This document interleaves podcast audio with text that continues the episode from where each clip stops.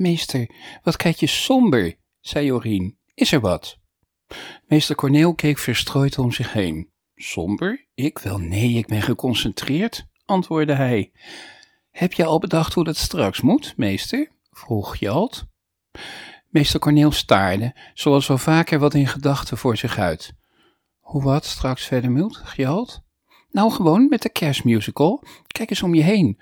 We kunnen toch niet spelen en zingen tegelijkertijd? Meester Corneel keek naar Gjalt. Hoe bedoel je? vroeg hij. Meester, let op, ik zal het je nog één keer uitleggen. Over tien minuten begint de kerstmusical. We hebben met z'n allen enorm hard ons best gedaan om die musical in ons hoofd te stampen. Wij, zei Gjalt en wees naar de kinderen in de klas. Wij zijn allemaal verkleed. Charlie is de oude bedelaar, Mees de rijke bankier, Tess is de kerstvrouw en Jorinde de luciferverkoopster. Jorien is samen met Okkie de ezel en ik ben de verteller. En jij zou het koor regelen. Ja, nou? vroeg meester, terwijl die lodderig om zich heen keek. Je hebt vanmiddag kortsluiting veroorzaakt in de geluidsinstallatie doordat je zo'n nodige mok chocolademelk met slagroom over de cd-speler liet vallen, zuchtte Jorien. Oh ja, ja, dat was een heel avontuur, mompelde meester. Dat had ik nog nooit eerder voor elkaar gekregen, wel geprobeerd trouwens. Maar de cd met de koorpartijen zit vast in de cd-speler en je zei dat het je enige exemplaar was, mopperde Jorien. Dus wat ga je doen om de musical te redden, meester? Een musical zonder zang is geen musical, riep Gjalt. En het is heel warm in het ezelpak, meester, zei Jorien. Helemaal voor mij, vulde Okkie aan, ik zit achterin.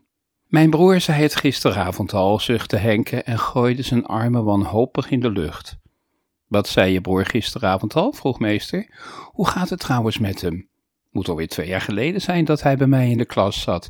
Ik weet nog wel dat ik deze musical heb bedacht toen hij bij me in de klas zat.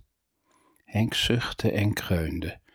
Ik wist dat je geheugen niet al te best is, meester, maar dit slaat wel echt alles. Wat? vroeg meester Corneel. Het is vijf jaar geleden dat hij bij je in de klas zat. Vijf jaar, geen twee. Oeps, de tijd vliegt. Vijf jaar, zei je? Pff, zei Henke. Waar hadden jullie het nog meer over dan? Meester, je leidt de boel af. Je probeert het over iets anders te hebben. Daar trappen we niet in deze keer, zei Henke vastberaden. Jorinde had ondertussen uit verveling een lucifer aangestoken en ging met haar vinger door de vlam. Mees had stapels nepgeld op de grond laten vallen en zocht de briefjes bij elkaar. In het speellokaal zaten ondertussen de ouders te wachten op het begin van de musical. Tess deed haar kussen onder haar kerstvrouwenkostuum goed, plukte aan haar baard en mompelde: Ho, ho, ho, geef maar op dat cadeau. Janka, die de rol had van chocoladeijsverkoopster, zwaaide als een dirigent met de ijslepel in het rond. En Steen probeerde met zijn wanten aan de veters van zijn veel te grote schoenen te strikken. Meester Corneel deed niets. Hij had, zoals gebruikelijk, de hele boel weer eens absoluut niet onder controle. Vijf jaar geleden, hè? mompelde hij. Weet je het zeker? vroeg hij. Henk zuchtte, waarbij het leek of de zucht uit zijn tenen kwam. Meester, je luistert niet. Je moet wat doen. We hebben geen muziek.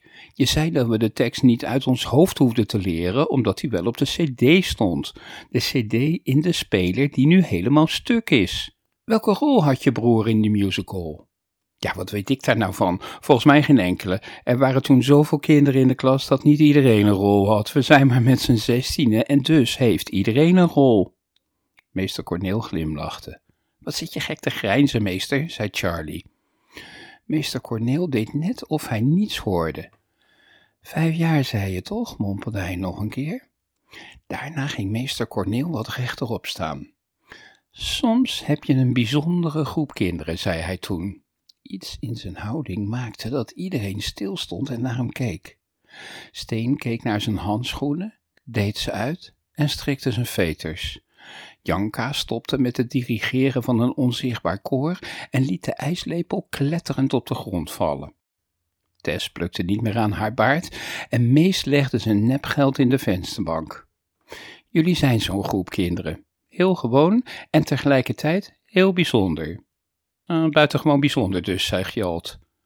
Meester keek hem aan en knikte. Ik zal wel wat met jullie afspreken, zei meester raadselachtig. Maar we moeten zo het toneel op, riep Gjal tegen. Meester legde zijn vinger op zijn lippen en ging verder. Met sommige buitengewoon bijzondere groepen maak ik een afspraak. Namelijk dat ik iedereen uit die groep uitnodig om vijf jaar later allemaal weer bij ons langs te komen op school. Oh, je bedoelt een reunie? vroeg Ellemieke. Meester Corneel stak zijn duim omhoog. Juist, dat bedoel ik, zei hij. Laten we afspreken dat jullie over vijf jaar hier allemaal weer zijn. Dan komen jullie de kerstmusical bijwonen die dan wordt opgevoerd. En na afloop krijgen jullie warme chocolademelk en een kerstkransje. Het idee was zo vreemd en het moment waarop hij het voorstelde zo raar, dat iedereen naar elkaar keek en instemmend knikte. Dus over vijf jaar zijn we hier weer? vroeg Jalt. Om te kijken hoe je vijf jaar ouder bent geworden? vroeg Mees. Meester Corneel knikte. En dan wordt het nu tijd om op het toneel te gaan staan, zei hij. Maar de muziek dan? vroeg Jalt nog een keer en stak zijn armen hulpeloos in de lucht. Meester Corneel keek weer wat vreemd om zich heen. Hij knipoogde. Komt goed, desnoods ga ik zelf zingen, mompelde hij. Nerveus liepen de zestien spelers achter elkaar aan naar het speellokaal. Het was er donker en Jorinde stak de ene na de andere lucifer af terwijl de troep naar het podium liep. Gjalt stond vooraan en wilde beginnen toen ze opeens de stem van meester Corneel hoorde. Dit, zei hij met schorre stem, is een buitengewoon bijzondere musical. Het is een musical die geen musical is, of zoiets. Hij tuurde over de hoofden van de ouders heen naar de achterste rijen. Daarna glimlachte hij lichtjes, ging rechtop staan en zei zelfverzekerd: Dit is een buitengewoon bijzondere musical. Deze zestien dappere spelers spelen precies dezelfde musical als vijf jaar geleden. Er is echter een probleempje. We hebben geen koor en toch ook weer wel. De kinderen op het podium keken elkaar verbaasd aan. Er klonk gemompel in de zaal. Soms is een avond buitengewoon bijzonder. En ik weet zeker dat dit zo'n avond is, zei meester Corneel, en gaf de microfoon aan Gjalt. Alle kinderen stonden op de goede plek. Dit is het kerstverhaal van de arme bedelaar, het meisje met de lucifers, bankier en de ezel, begon Gjalt. Een beetje een lange titel, maar het zegt precies waar ons verhaal over gaat. We hebben echter een groot probleem. Nu moet het openingslied komen, maar de CD zit in de CD-speler die stuk is omdat meester hem chocolademelk wilde laten proeven. En dus slaan we het openingslied over. Er klonk gegrinnik in de zaal. Opeens hoorde ze een stem. Henke herkende de stem van zijn broer Richard. Kennen wij het openingslied nog? vroeg hij. Een meisjesstem antwoordde lachend. Natuurlijk kennen wij hem nog. Wij kennen alle liedjes toch gewoon? Dit hadden we wel verwacht, toch? Zo gaat het altijd. Wij zijn nu gewoon het koor. Eén, twee, drie, zei ze, waarna iedereen op de achterste rijen het openingslied inzette. Het klonk niet helemaal zuiver, maar aan het eind van het lied klonk er een oorverdovend applaus. Gjalt pakte de microfoon en keek naar zijn klasgenoten. Het is een reunie, zei Henke. Van de klas van vijf jaar geleden, zei Jorien vanuit haar ezelspak. Toen had iedereen door wat er gebeurd was. Meester Corneel had zijn klas van vijf jaar geleden uitgenodigd. De klas die de musical al een keer had opgevoerd. Ze hadden net het openingslied gezongen en iedereen wist zeker dat ze straks ook alle andere liedjes zouden gaan zingen. Gjalt keek naar meester Corneel. Die keek naar zijn klassen. De ene klas op het podium, zijn klas van vijf jaar geleden achter in de zaal. Hij stak zijn arm omhoog. Laat de musical beginnen, riep hij. Laat kerst beginnen. Daarna keek hij vergenoegd om zich heen, sloot even zijn ogen en zuchtte. Volgens mij heb ik de mooiste baan van de hele wereld, zei hij tegen zichzelf. En terwijl Gjalt de musical begon, zei meester Corneel tegen zichzelf.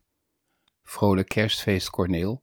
Een buitengewoon, gewoon, vrolijk kerstfeest.